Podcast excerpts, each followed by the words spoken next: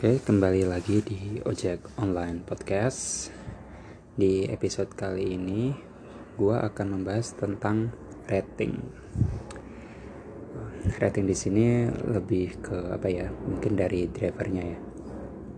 Wah, pada jadi akhir tahun 2018 ini kalau nggak salah driver Gojek itu bisa ngasih penilaian kepada customer. Hmm, tujuannya apa ya? Si driver bisa ngasih customer gue masih belum tahu sampai detik ini pun juga nggak masih belum tahu tuh fungsinya buat apa. Cuma pas awal-awal diperlakukan rating ini gue mengira ada apa ya jadi kalau misalnya drivernya ratingnya bagus nanti CS yang rating baik ini bakal dapat driver yang bagus. Begitu pula sebaliknya kalau misalnya drivernya performanya jelek atau ratingnya jelek nanti dapat customer yang ratingnya jelek juga. Cuma makin ke sini makin ke sini anggap asumsi gua ini salah ternyata. Jadi kadang ada yang CS ratingnya jelek itu ya uh, apa ya kelakuannya ya biasa-biasa aja sih nggak nggak nyebelin nggak bawel nggak nggak macem-macem lah intinya. Nah malah kadang ada yang ada customer yang ratingnya bagus itu malah bawel uh, banyak request terus apa ya macam-macam gitu jadi terkadang gue bingung ini uh, apa apakah gua yang lagi apes uh, dapat customer dengan rating bagus? Cuma mungkin karena moodnya lagi jelek jadinya dia requestnya macam-macam atau mungkin ketika pas gua dapat customer dengan rating jelek itu dia lagi moodnya lagi bagus jadi ya nggak macam-macam kemudian apa ya uh, bagaimana gua memberikan penilaian kepada customer? Biasanya gua tuh nggak pernah ngasih rating jelek ya. Semua customer yang apa yang udah gua antarin naik goret atau gua antarin barangnya via GoSend atau pesan makanan via GoFood gua pasti kasih rating 5 cuman ada beberapa penge, uh, pengecualian ya. Kalau misalnya nih uh, pas lagi pesan goreng minta ngebut gue pasti kurangin ratingnya satu jadi empat.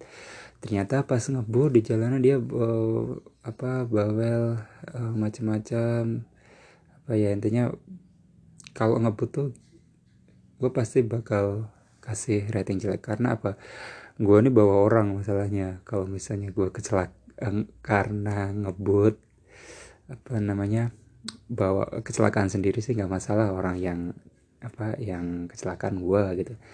Nah beda kalau bawa orang. Gue bawa nyawa orang masalahnya. Oke okay lah kalau di jalan uh, eh, gue udah udah siap siaga. Cuma di jalan tuh kita nggak tahu uh, pengguna yang lain itu apakah siaga juga ataukah dia konsentrasi di jalan kan kita nggak tahu. Jadi untuk meminimalisir itu gua lebih memilih mengendarainya santai aja nggak buru-buru. Kalaupun misalnya ngebut ya gua lihat jalanan juga gitu. Tapi biasanya kalau pas minta ngebut itu gua kasih rute yang apa namanya rute motong lewat jalan-jalan tikus lewat-lewat gang kalaupun misalnya dia emang buru-buru banget gitu ya biasanya gue cariin jalan tikus. Kemudian itu tadi bawel ya ya bawel minus ngebut sorry ngebut minus satu. Kemudian kalau pas lagi uh, salah nitik lokasi. Ini yang sering-sering banget terjadi tuh nitik lokasi salah keseringan sih emak-emak biasanya kayak gini dia nitiknya di mana? Uh, ngasih taunya di mana? Kayak gitu. Kalau nggak share location via WhatsApp juga nggak tahu. Seringannya kayak gitu. Lalu apa ya? Oh ini GoFood.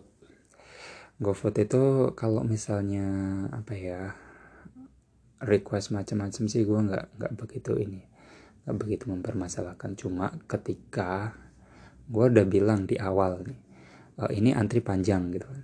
Uh, estimasi mungkin bisa sampai sejam atau bahkan lebih itu gue pasti ngasih tahu ke customernya. Nah, ketika customernya bilang iya belum ada sejam dia udah ngomel hahaha wafifu wafifu kayak gitu. Ini yang gue bikin apa ya dongkol. Dongkol banget. Orang tadi udah dikasih tahu gitu kan estimasinya sekian menit sekian jam gitu.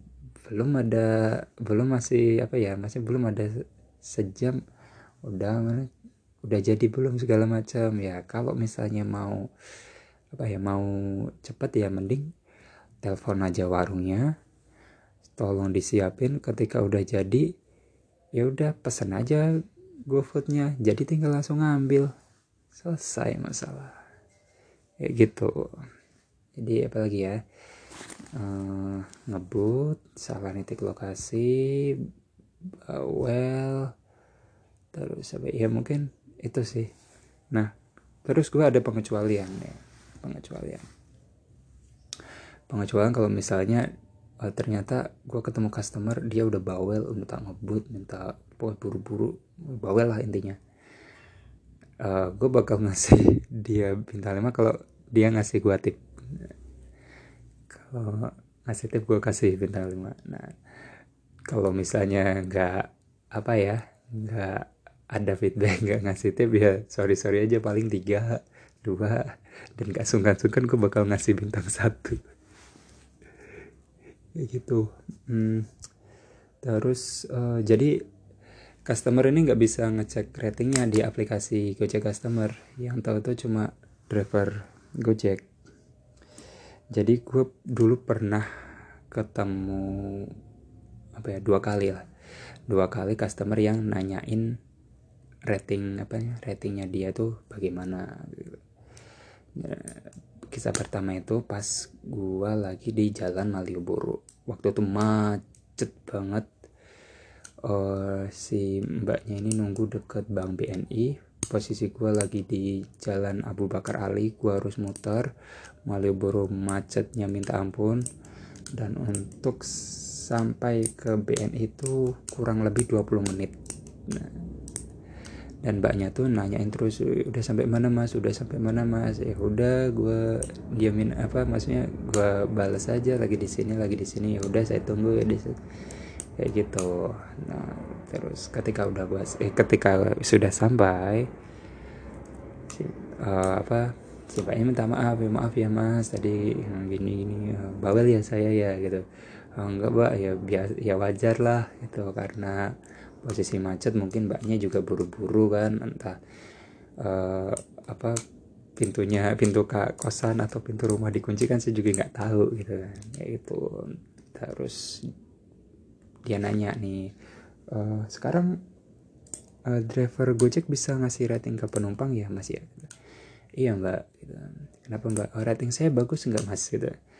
Uh, tadi sih saya cek masih bagus mbak masih lima gitu. Oh ya udah deh nanti jangan jangan lupa kasih bintang 5 ya mas ya. Ini jarang-jarang banget nih. Kalau misalnya driver minta rating 5 ke customer itu wajar. Nah, kalau apa customernya minta rating ke Gojek tuh kayak eh ke driver Gojeknya tuh udah kayak apa ya dunia terbalik. Kayak gitu. Um, sama satu lagi. Pas kapan ya? Uh, oh ya Hamin dua sebelum Lebaran.